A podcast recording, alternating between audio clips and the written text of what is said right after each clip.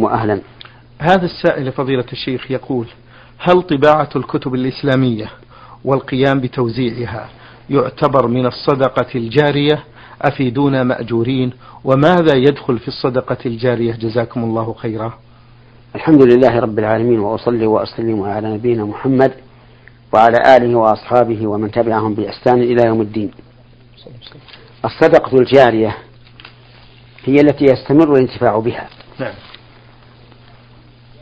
ولهذا سميت جارية يعني غير واقفة. والصدقة غير الجارية هي التي ينتفع بها الإنسان في وقتها فقط. فمثلا إذا أعطيت فقيرا ألف ريال أنفقه في مدة شهر أو شهرين انقطعت الصدقة. وإذا أوقفت عمارة أو بيتا أو دكانا ليكون رجعه في الفقراء. فالصدقة جارية. ما دام الرجع موجودا. طباعة الكتب والأشياء النافعة صدقة جارية. ما دام الناس ينتفعون بها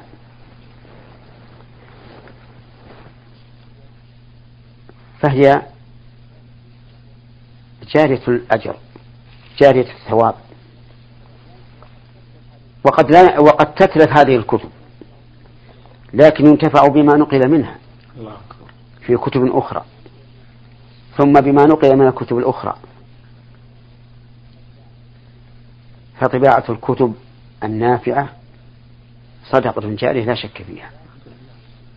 لكن ينبغي لمن أراد أن يطبع كتبا ينتفع المسلمون بها أن يستشير أهل العلم الموثوق بعلمهم ولا يطبع كل كتاب يقدم إليه. ولا يأخذ بقول كل إنسان وهو لا يعرفه. قد يأتي إنسان متحذلق. أعطاه الله تعالى بيانا وفصاحة. وأسلوبا جذابا. فيأتي لشخص ويقول هذا الكتاب من أفضل الكتب وأحسن الكتب اجتماعي فيه ما لا فيه. فيغتر الرجل. يغتر بكلام هذا. ويقول اطبع منه وهذا تسرع بلا شك. كلما عرض عليك كتاب لطبعه والصدقة به فاستشر أهل العلم الذين تثق بعلمهم. وأمانتهم ودينهم وأنه ليس عندهم حسد لأحد.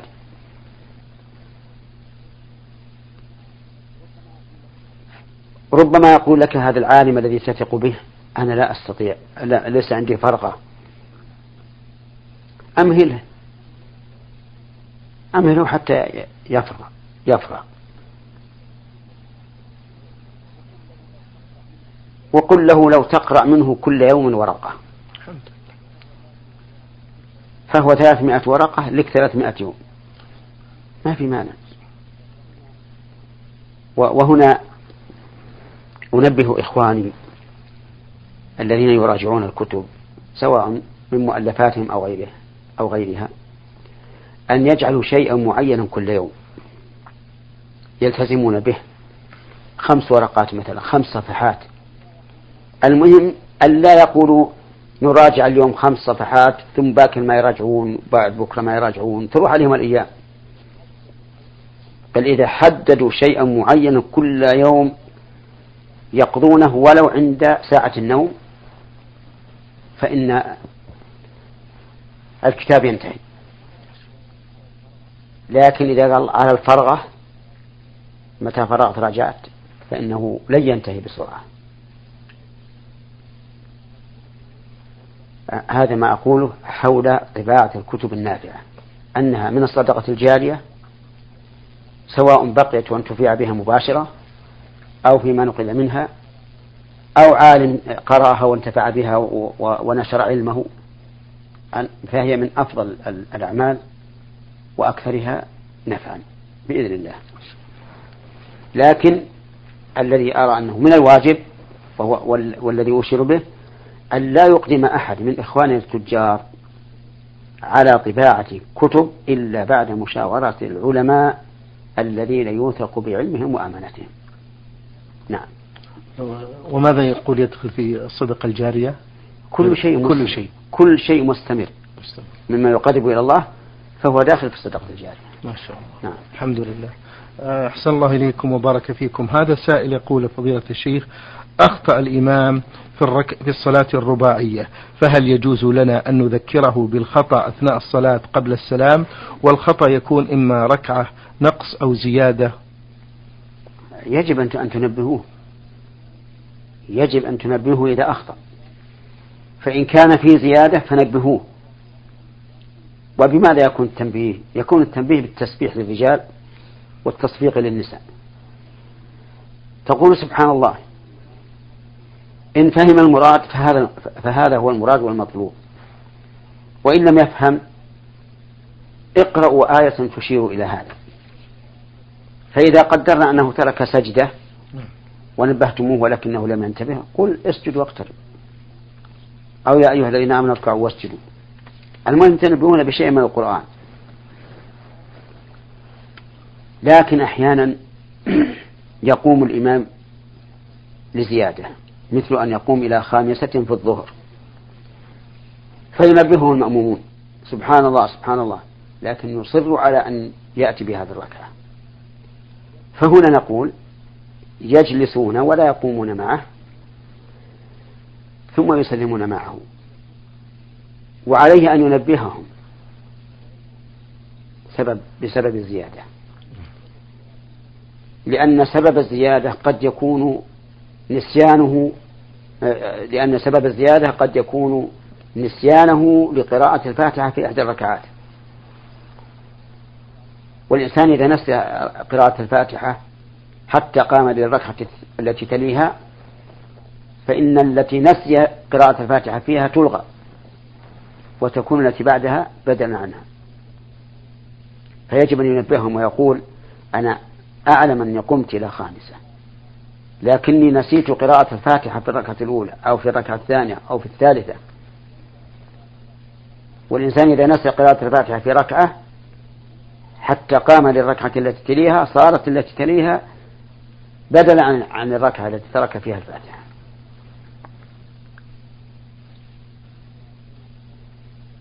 وهنا أقول إنه يعتبر هذا النسيان إذا كان نسيانا حقيقة. أما إذا كان شكا فلا يلتفت إليه. إذا كانت الشكوك عنده كثيرة لأن بعض الناس تكون الشكوك عنده كثيرة حتى لا يكاد يفعل شيئا إلا شك فهذا يلغي الشك ولا يهتم به. كما لو شك بعد انتهائه فإنه لا يلتفت إلى هذا الشك. ولهذا أمثلة كثيرة منها. لو شك في في المضمضة والاستنشاق وهو الآن يغسل يديه قال ما أدري أتمضمضت واستنشقت أم لا. نقول إذا كان هذا الشك يرد عليه كثيرا كلما توضأ شك فلا يلتفت إليه. وليعتبر نفسه قد تمضمض واستنشق. كذلك لو شك بعد أن فرغ من الوضوء قال الله ما أدري هل مسحت رأسي أو لا. نقول لا تلتفت إليه. لأن الشك بعد الفراغ من العبادة لا عبرة به. ومثل ذلك لو شك في أشواط الطواف. هل طاف ستة أو طاف خمسة؟ نقول إذا كان في أثناء الطواف فليأتي بما شك فيه وينتهي الموضوع. إذا كان بعد أن فرغ من الطواف وانصرف قال والله ما أدري هل, هل طفت ستة أو سبعة فلا عبرة بهذا الشك. يلغي هذا الشك ويجعلها ستة سبعة. وهذه قاعدة مفيدة للإنسان. إذا كثرت الشكوك معه فلا يلتفت إليها. إذا وقع الشك بعد الفراغ من العبادة فلا يلتفت إليه. إلا أن يتيقن فأي يتيقن وجب عليه أن يأتي بما نقص. أحسن الله إليكم. آه، في سؤاله الثاني يقول هذا السائل تبرعت بمبلغ من المال وكان هذا المبلغ نذرا علي ولما أردت أن أقوم بهذا الوفاء أرسلت نصف المبلغ لإخواني لكي يقوموا بإيصاله للفقراء الذين كنت قد حددتهم لكي أعطيهم هذا المبلغ وأوزعه عليهم. فكان الإخوة عندما وصلهم نصف المبلغ كانوا في احتياج لأي مبلغ يصلهم فأخذوه ولم يعطوه لأصحابه. والآن هل يجب علي أن أدفع المبلغ كاملا إلى من سبق الإشارة إليهم؟ لا يجب عليك أن تدفع هذا المبلغ لكن يجب على إخوتك أن يدفعوه لأنهم ضامنون لذلك. وأنت الآن قبيلك إخوتك. طيب. ولا يحل لأحد مؤتمن أن يغدر بمن ائتمنه. وكان الواجب على هؤلاء الأخوة لما وصل إليهم المبلغ أن يكلموا أخاهم ويقولوا نحن في حاجة. فاسمح لنا أن نأخذه. فإذا كانوا كما قالوا وسمح لهم فلا بأس. وإن كان قد حدد لهم أسماء معينة ولكن إذا كان قد وعد هؤلاء الذين حددهم فإنه يجب عليه أن يفي بوعده لأن إخلاف الوعد من علامات النفاق.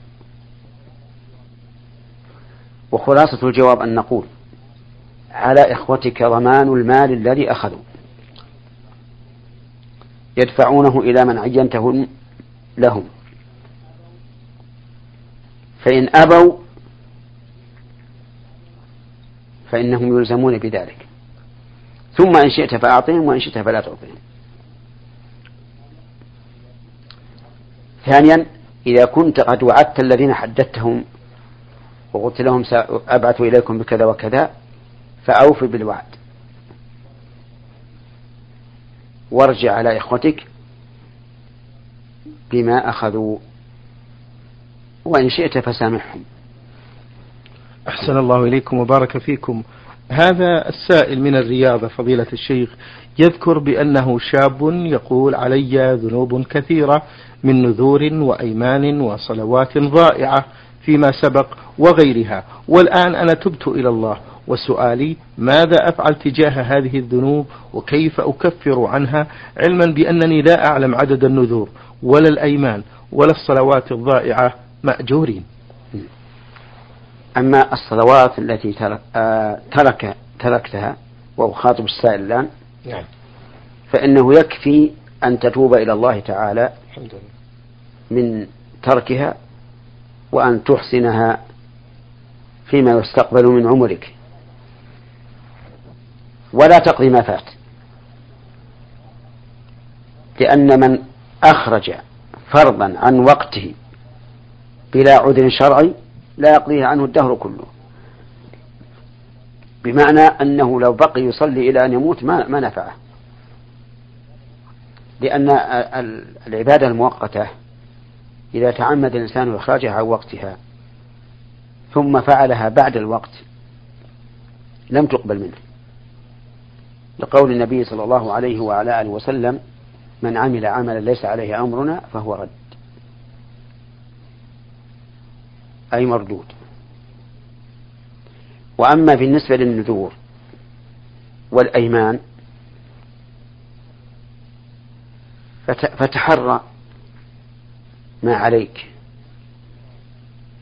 وما شككت فيه لا يلزمك. فمثلا إذا قلت في نفسك ما أدري هل علي عشرة أيمان أو خمسة اجعلها خمسة. لأن هذا هو المتيقن. وكذلك النذور.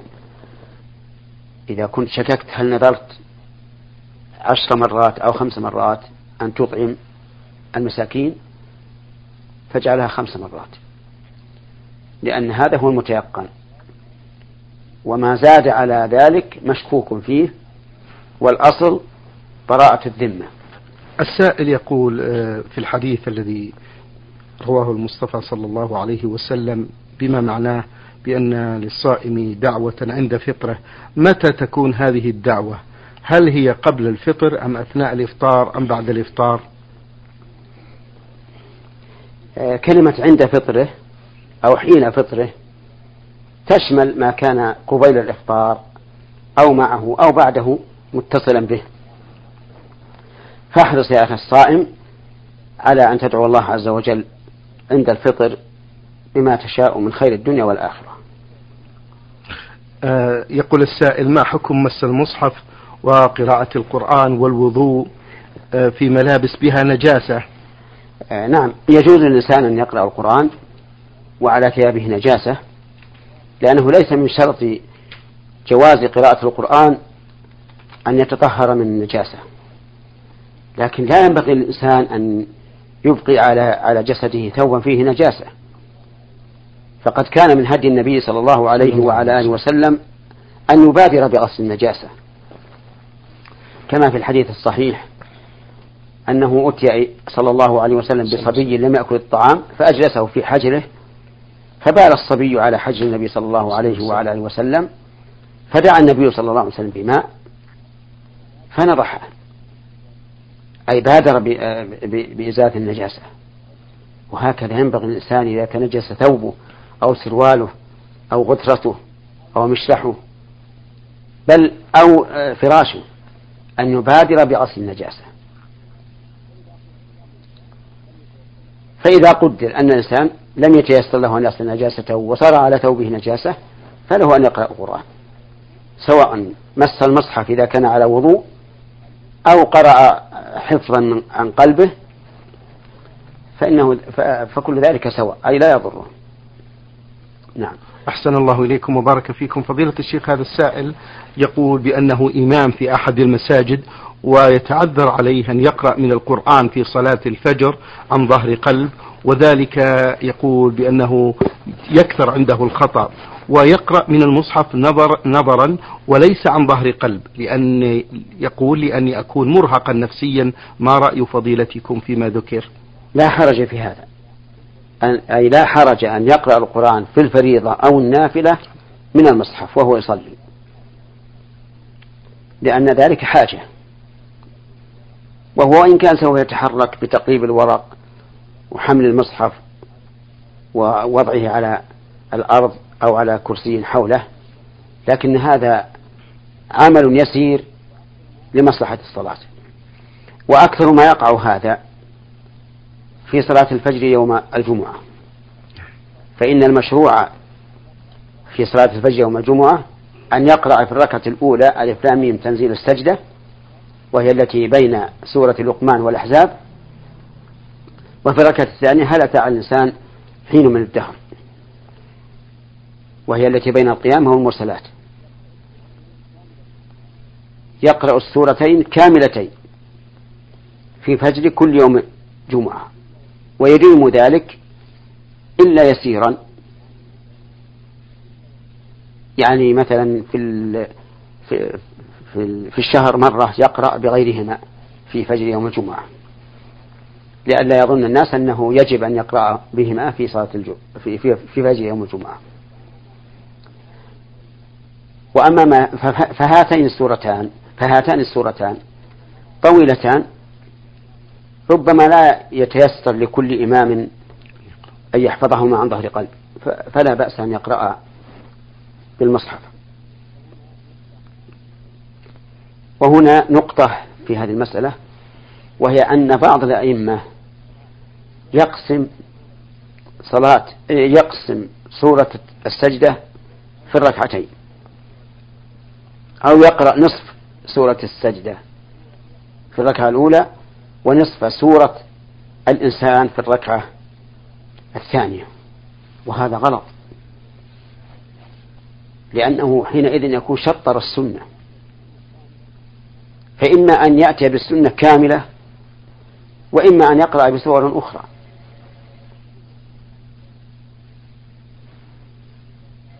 نعم. أحسن الله إليكم وبارك فيكم. يقول السائل دخل الإمام إلى المسجد ولم يؤذن للصلاة فأقام هذا الإمام الصلاة وصلى بدون أذان فما رأيكم في ذلك؟ إذا كان البلد فيها مؤذنون يسمعون في كل البلد فالأذان فرض كفاية وقد حصلت حصل الفرض بأذان الآخرين. فإذا دخل الإمام وأقام الصلاة بدون أذان فلا حرج. وأما إذا لم يكن في البلد سوى هذا المسجد الذي يؤذن فيه فلا بد أن يؤذن. حتى وإن فات أول الوقت. فيؤذن متى حضر ويقيم الصلاة. أحسن الله إليكم. وإنني بهذه المناسبة تفضل أنصح إخواني المؤذنين والأئمة. أنصحهم بأن يلاحظوا الأمانة ويراعوها في أداء ما يجب عليهم. فيقوم المؤذن بالأذان على الوجه الأكمل. يؤذن في الوقت ولا يتأخر. ويقيم كلمات الأذان. على ما ينبغي. كذلك بعض الأئمة يتخلف عن الصلاة. أحيانا لعذر وأحيانا تهاونا فإن كان لعذر فلا بد أن يقيم من يصلي عنه حتى لا يبقى الناس يتناظرون من يصلي بنا. ولينب عنه من هو أهل للإمامة في قراءته ودينه. وأما إذا كان تخلفه تهاونا لأنه خرج خرج إلى البر لنزهة أو ما أشبه ذلك فهذا غلط. هذا خلاف الأمانة. فولاة الأمر وكلوا إليه هذا ليقوم به على الوجه المطلوب. فلا يجوز له أن يتهاون في هذا الأمر المهم. آه هذه نصيحتي لإخواني الأئمة والمؤذنين الذين هم أولى الناس بأن يطبقوا ما يجب عليهم نحو الوظيفة. نعم يا شيخ. نعم. أحسن الله إليكم وبارك فيكم. هل الكلام في المسجد من غير مصلحة كالبيع أو الشراء كبيع أو شراء يجوز؟ الحديث حول ذلك. نعم. آه، البيع والشراء والتأجير والاستئجار. محرم في المسجد. لأنه ينافي ما بنيت المساجد من أجله. ولهذا قال النبي صلى الله عليه وسلم إذا رأيتم من يبيع أو يبتاع في المسجد فقولوا لا أربح الله تجارتك فإن المساجد لم تبن لهذا. وكذلك إنشاد الضالة. بأن يضيع للإنسان شيء ثم يقف في المسجد يا جماعة من عين كذا وكذا؟ هذا حرام. لأن المساجد لم تبنى لهذا. وأما إذا وجد الإنسان لقطة وقال للناس مثلا من هي من هي له؟ فهذه أهون مما إذا سأل عن اللقطة عن الضائع. ومع ذلك نقول اخرج إلى باب المسجد إلى الشارع وتكلم بما شئت ببيع شراء إنشاد ضالة. هذا هو الواجب نحو هذه المساجد. لكن يبقى إشكال يقع عند كثير من الناس. يمر بك مسكين يسأل ومعك ورقة فئة خمسين. وأنت تريد أن تعطيه عشرة فقط. فهل يجوز أن تعطيه الخمسين وتقول أعطني أربعين؟ هذا في الحقيقة لا يقصد به التجارة. ولا تتم الصدقة إلا به. لأنه بين أمرين. إما أن يعطيك أربعين وتعطي عشرة وإما أن تقول ما عندي عشرة وترد السائل فأظن والله أعلم أن مثل هذا لا بأس به لأنه لا يقصد به التجارة ولا يقصد به شيء من الدنيا إنما يقصد به شيء شيء للآخرة. لكن لا وسيلة لنا إلا هذا. فأرجو أن لا يكون في هذا بأس. نعم. شكر الله لكم من فضيلة الشيخ وبارك الله فيكم وفي علمكم ونفع بكم المسلمين. أيها الإخوة المستمعون الكرام أجاب على أسئلتكم فضيلة الشيخ محمد بن صالح بن عثيمين الأستاذ في كلية الشريعة وأصول الدين في القصيم وخطيب وإمام الجامع الكبير في مدينة عنيزة. شكر الله لفضيلته وشكرا لكم أنتم. وفي الختام تقبلوا تحيات زميلي مهندس الصوت سعد عبد العزيز خميس. والسلام عليكم ورحمة الله وبركاته. نور على الدرب. برنامج يومي يجيب فيه أصحاب الفضيلة العلماء على أسئلة المستمعين. البرنامج من تقديم وتنفيذ عبد الكريم بن صالح المجرن.